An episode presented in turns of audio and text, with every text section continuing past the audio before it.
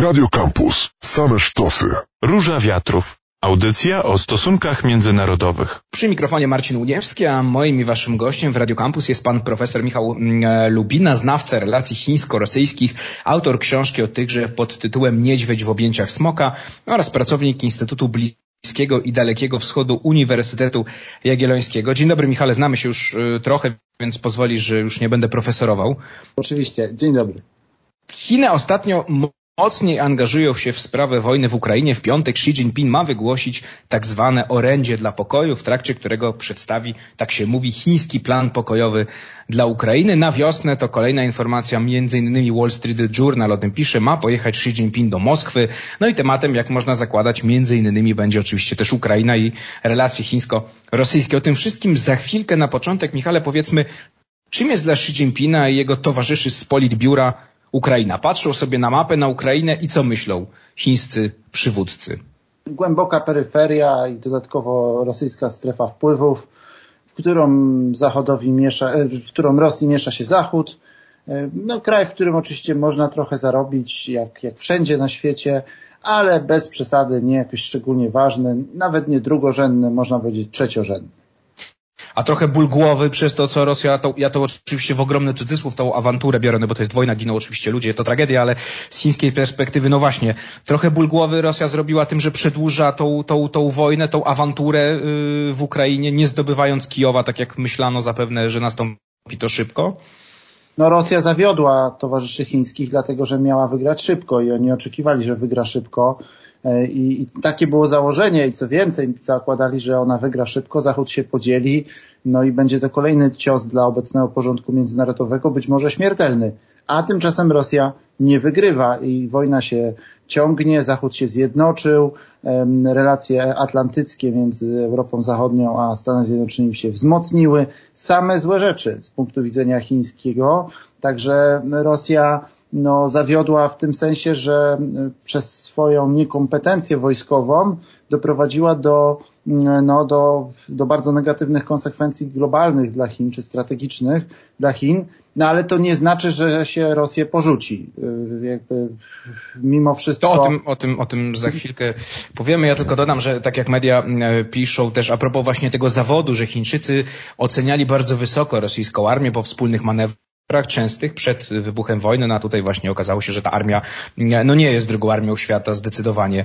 Mm, w trakcie zakończonej niedawno monachijskiej konferencji bezpieczeństwa chiński minister spraw zagranicznych Wang Yi właśnie zapowiedział, że Pekin uruchomi inicjatywę pokojową dla Ukrainy w rocznicę wybuchu tej wojny. Co twoim zdaniem, no bo trochę gdybamy oczywiście, może się znajdować w tym planie pokojowym, jak to się szumnie nazywa, chińskim Wang Yi wspominał tylko o integralności terytorialnej, że tam padnie taka, taka propozycja. Co jeszcze, jak myślisz, tam się może, może znajdować? Myślę, że to będzie bardzo sprawna propaganda. Myślę, że dokument będzie przede wszystkim bardzo długi i będzie mocno ogólnikowy, będzie się odwoływał do do filozofii e, pięciu zasad pokojowego współistnienia, w których oczywiście jest integralność terytorialna, także e, i będzie miał dużo takich, e, takich haseł, które mają się od, oddziaływać przede wszystkim na czytelnika chińskiego oraz na czytelnika w globalnym południu.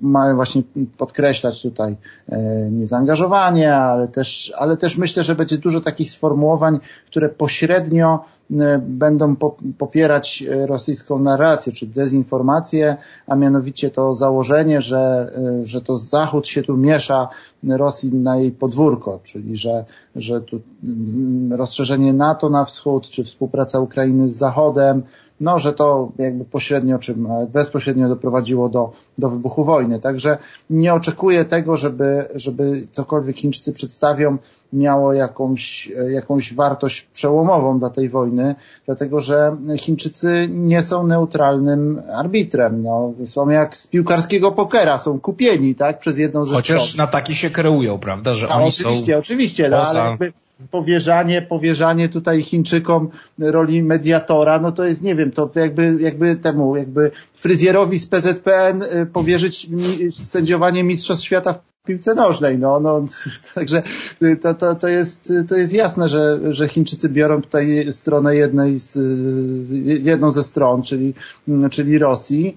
No ale oczywiście są sprawni dyplomatycznie i będą to przedstawiać w ten sposób, także oczekuję sprawnej propagandy tutaj ze strony chińskiej. Natomiast abstrahując od tego wątku takiego bym powiedział, aksjologiczno-politycznego, tego, że Chińczycy tu stoją za jedną ze stron, no to jeszcze mamy jedną rzecz, a mianowicie ta wojna, już wspomniałem w poprzedniej wymianie zdań, ona, ona no, przyniosła bardzo negatywne konsekwencje strategiczne dla Chin, to znaczy wzmocniła przywództwo globalne Stanów Zjednoczonych, doprowadziła do, do, do wzmocnienia relacji transatlantyckich. To są bardzo złe rzeczy z perspektywy chińskiej i właśnie dlatego Chińczycy chcieliby tę wojnę zakończyć, natomiast oni by ją chcieli zakończyć no, takich warunkach powiedzmy honorowej kapitulacji dla, dla Ukrainy, czy, czyli że skoro nie da się, skoro Rosji się nie udało wygrać na polu e, bitewnym, no to w takim razie może udaje się wygrać przy zielonym stoliku i, e, i doprowadzić do no, do, takich e, układów dyplomatycznych, których,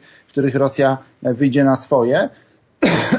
I tutaj, I tutaj jest właśnie ważne, że myślę, że co Chińczycy przedstawią, no to żeby było jakieś zamrożenie tego konfliktu. E,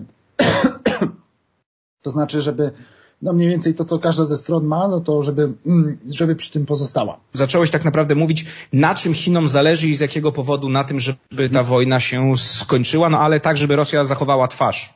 Mhm. Mówiąc tak, tak ogólnie. Teraz mi się głos załamał, jak zacząłem mówić o tej chińskiej tutaj planie pokojowym. To nie ze wzruszenia nad ich tutaj pacyfizmem, tylko, tylko dlatego, że jestem trochę podziębiony. Także mm, e, kończąc ten wątek.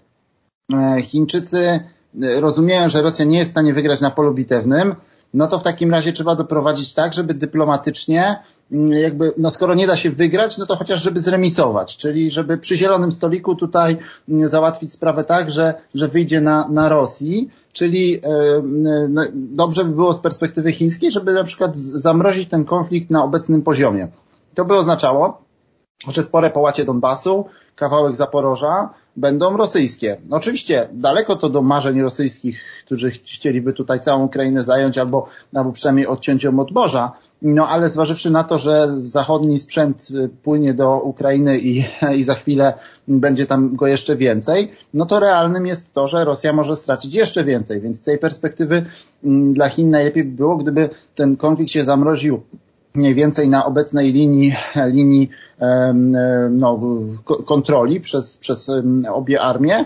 No i wtedy można by odkręcać te negatywne następstwa rosyjskiej inwazji. Można by znowu pracować nad, nad przywódcami zachodnioeuropejskimi, żeby, żeby się dystansowali od Stanów i i przepraszali z Rosją. Myślę, że wielu z nich e, ta, ta perspektywa była, wydaje się być miła. Także, także zasadniczo myślę, że pierwszym krokiem chińskim by było to, że, żeby zamrozić ten, ten konflikt na, na poziomie e, obecnego stanu e, terytorialnego i to oczywiście byłoby niekorzystne dla Ukrainy. Także, także, także myślę, że Ukraińcy mają pełną świadomość tego, że na towarzyszy chińskich liczyć nie mogą, bo towarzysze chińscy są po prostu prorosyjscy, tak? Tylko z przyczyn różnych, przede wszystkim wizerunkowych, mm, nie stawiają kropki nad i, ale realnie rzecz biorąc są prorosyjscy. Kiedy Joe Biden w Warszawie mówi o jedności Zachodu i NATO, to Pekin zapowiada, że sam Xi Jinping mm, no, ma udać się do Moskwy. Czego, Michale, możemy się po tej wizycie spodziewać? Czy ona będzie taka kurtuazyjna i wizerunkowa, czyli no, de facto pokazanie wsparcia, czy możemy się jakichś konkretów e, spodziewać? Nie wiem, zacieśnienie relacji gospodarczych, relacji powiedzmy oczywiście petent i patron, bo Chiny już raczej odgrywają tutaj rolę patrona, a Rosja e, petenta. Mm, no ale właśnie, czy jakieś konkrety, y, nie wiem, bliższa współpraca właśnie, chociażby, chociażby gospodarcza czy polityczna?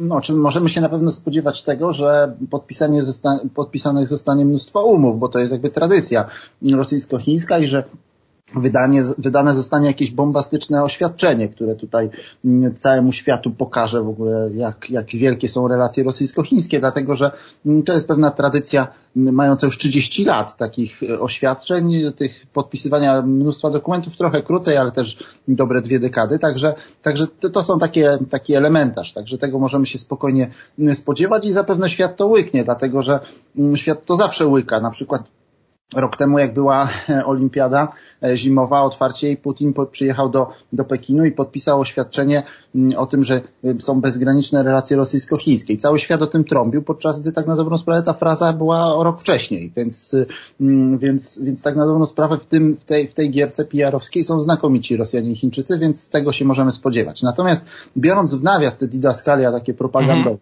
mhm. no to to ewentualny przyjazd Xi Jinpinga do, do, do Moskwy no byłby bardzo mocnym poparciem Rosji. I myślę, że on by działał podobnie trochę do przyjazdu Joe Bidena do Polski. To znaczy mm, byłoby tu dużo, dużo mm, no, miłych słów, e, takiego wsparcia symbolicznego, dyplomatycznego, no ale konkrety, no, albo mało konkretów, albo byśmy o nich nie wiedzieli. Także, także myślę, że to, mm, to by było w podobnym duchu.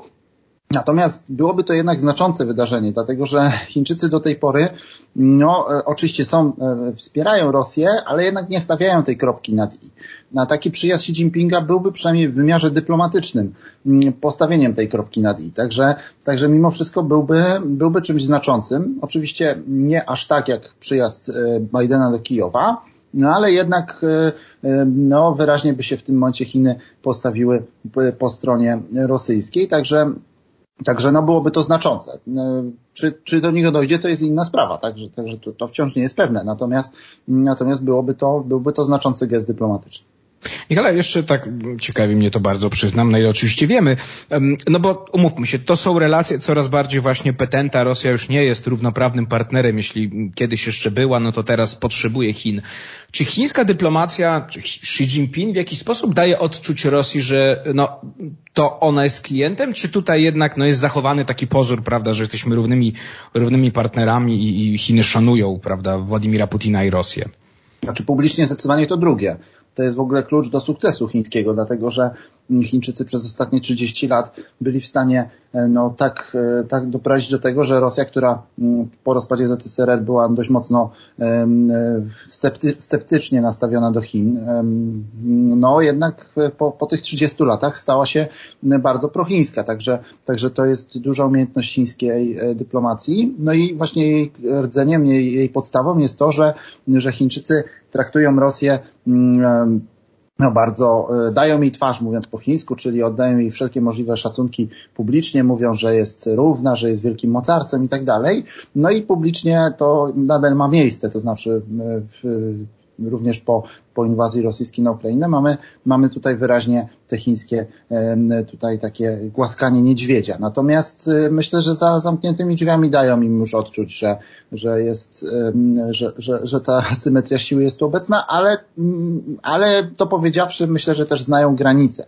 Mm, dlatego że, że Chińczycy wiedzą, że muszą dmuchać i chuchać na Rosję, e, żeby ją utrzymać przy sobie, no bo, no bo Rosja jest tylko częścią większej układanki dla Chin. To nie jest najważniejszy kraj mm.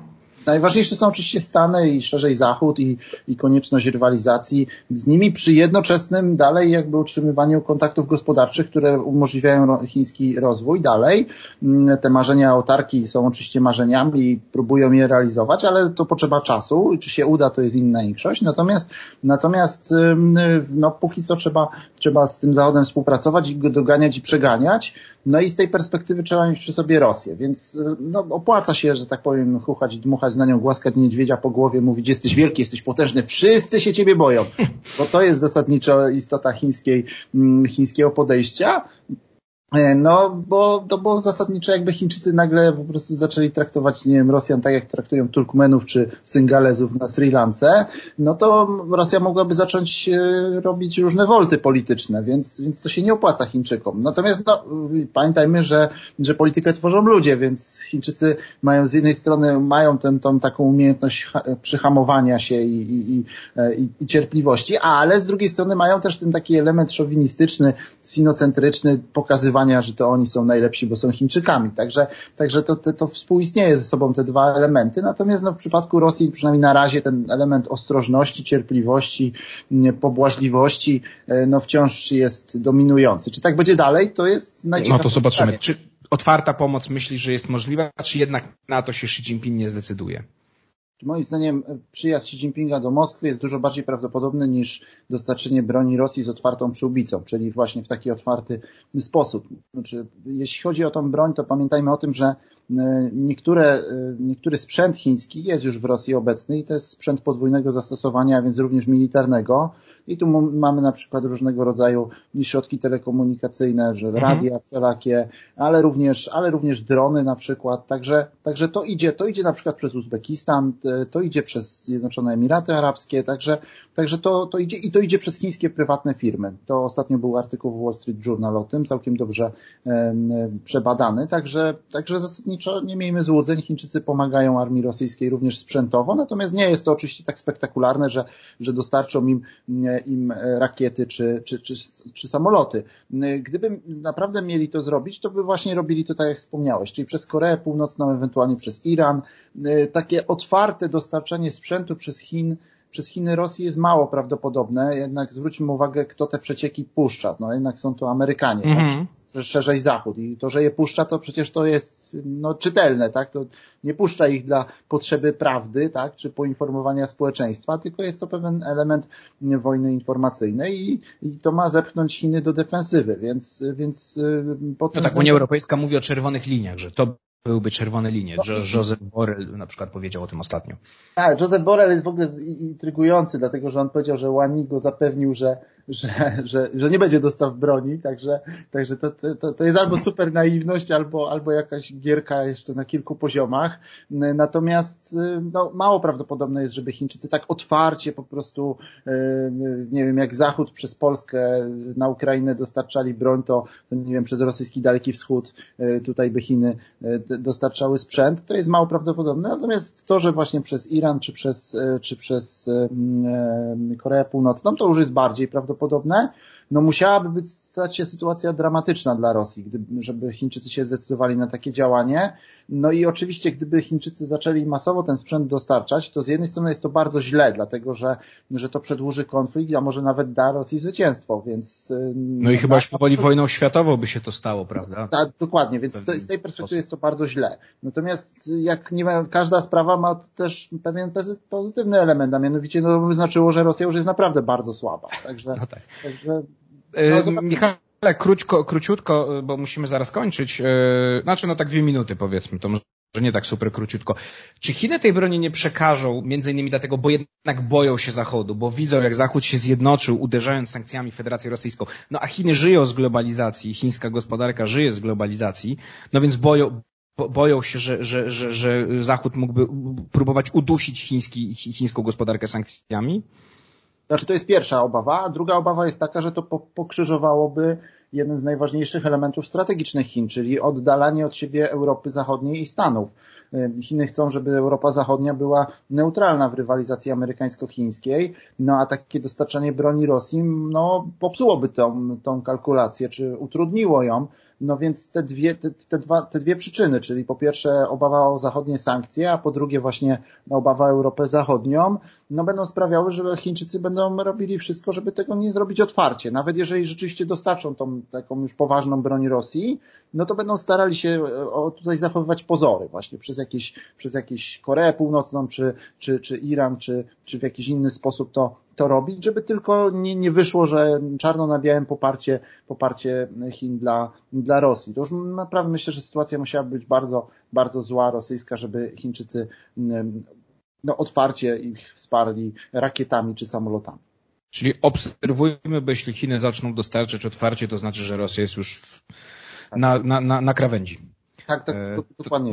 Trochę, trochę oczywiście żartobliwie, delikatnie. Profesor Michał Lubina, znawca relacji chińsko-rosyjskich, autor książki Niedźwiedź w objęciu e, smoka oraz Instytut Bliskiego i Dalekiego Wschodu Uniwersytetu Jagiellońskiego był moim waszym gościem. Michale, bardzo Ci dziękuję za tą rozmowę. Dziękuję serdecznie. To Baruża Wiatrów, a my się słyszymy oczywiście w środę za tydzień. Radio Campus. Same sztosy.